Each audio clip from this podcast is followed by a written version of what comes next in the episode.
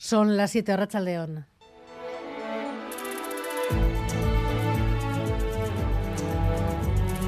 Gambara con Arancha García.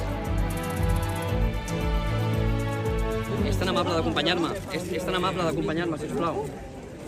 Li demano amablement que m'acompanyi, sisplau, no falo. Has de tenir a una eurodiputada que té immunitat. Sí? M'acompanya, sisplau, és tan amable? Deseu a la Clara, home! A la Clara! A la? Clara! El momento de la detención de la exconsejera Carla Ponsatí, justo tras comparecer ante los medios en Barcelona, ha regresado a Cataluña tras cinco años en Escocia y en Bruselas. Decía no para pactar con el juez Llarena, sino para denunciar la vulneración sistemática de sus derechos. No he vingut a fer cap pacte amb l'Estat, sinó a denunciar la vulneració sistemàtica dels nostres drets, la passivitat de les institucions catalanes i la necessitat de que les institucions europees deixin de mirar cap a una altra banda davant de la violació sistemàtica de l'estat de dret a Catalunya. Ponsatí, que reclama respeto para su condición de eurodiputada con impunidad. En esta gambara trataremos de aclarar cuáles pueden ser a partir de ahora los próximos movimientos del Tribunal Supremo.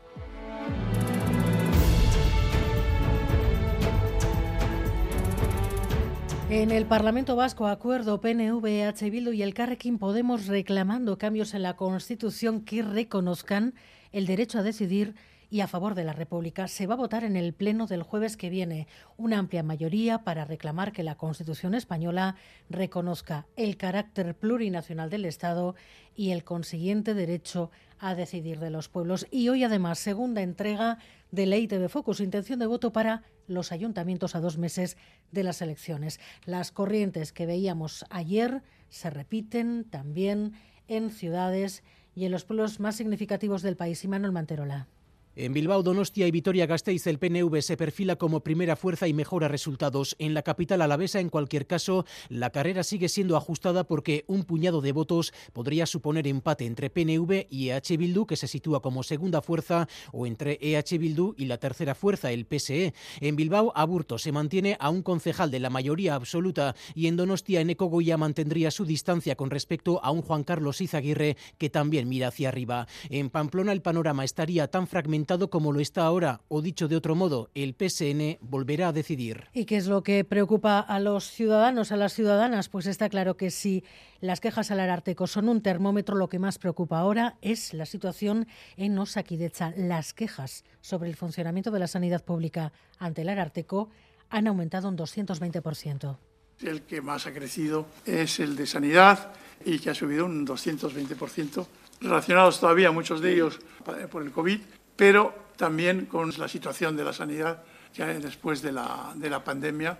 Y Alemania bloqueó finalmente el veto. Europa prohibirá la venta de coches de gasolina y diésel a partir de 2035. Bonn ha conseguido, Berlín ha conseguido una excepción a ciertos combustibles neutros. Habrá que ver ahora cómo se consolida, pero el caso es que en este contexto de incertidumbre han llegado noticias preocupantes para Volkswagen Navarra. La dirección ha informado al comité de sus planes hasta 2027 y ahí está el aviso de que el año que viene dejará de producir el Polo y solo habrá otros dos modelos, una producción prevista muy inferior a la actual sí que preveíamos que el tránsito hasta llegar al 26 iba a ser complicado. Lo que no esperábamos es que fuese tan preocupante y tan impactante, porque los números de producción es excesivamente bajas y eso en un periodo donde todavía no tenemos un acuerdo que garantice la ocupación de la plantilla. Y los números preocupan porque, bueno, hablamos de que afecta al 50% de la plantilla y no es un periodo corto, que es un periodo aproximadamente de más de un año y medio. Y en carreteras un punto con problemas hasta ahora en la N637 en Derio, sentido Baracaldo. Un carril está cortado por una colisión entre tres vehículos. La grúa ya está en el lugar. En breve se espera que sean retirados de la calzada.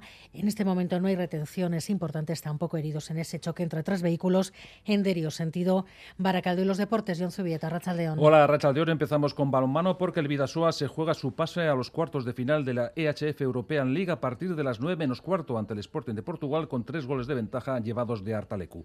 Y un cuarto de hora antes del partido del Vidasoa, el Vasconia se mide al Alba Berlín con la obligación de ganar para mantenerse en posiciones de privilegio europeo en una semana de máxima exigencia. En cuanto al ciclismo, el Euskaltel Euskadi ha presentado esta mañana a su equipo de cara a la con la presencia de siete corredores, cinco de ellos vascos.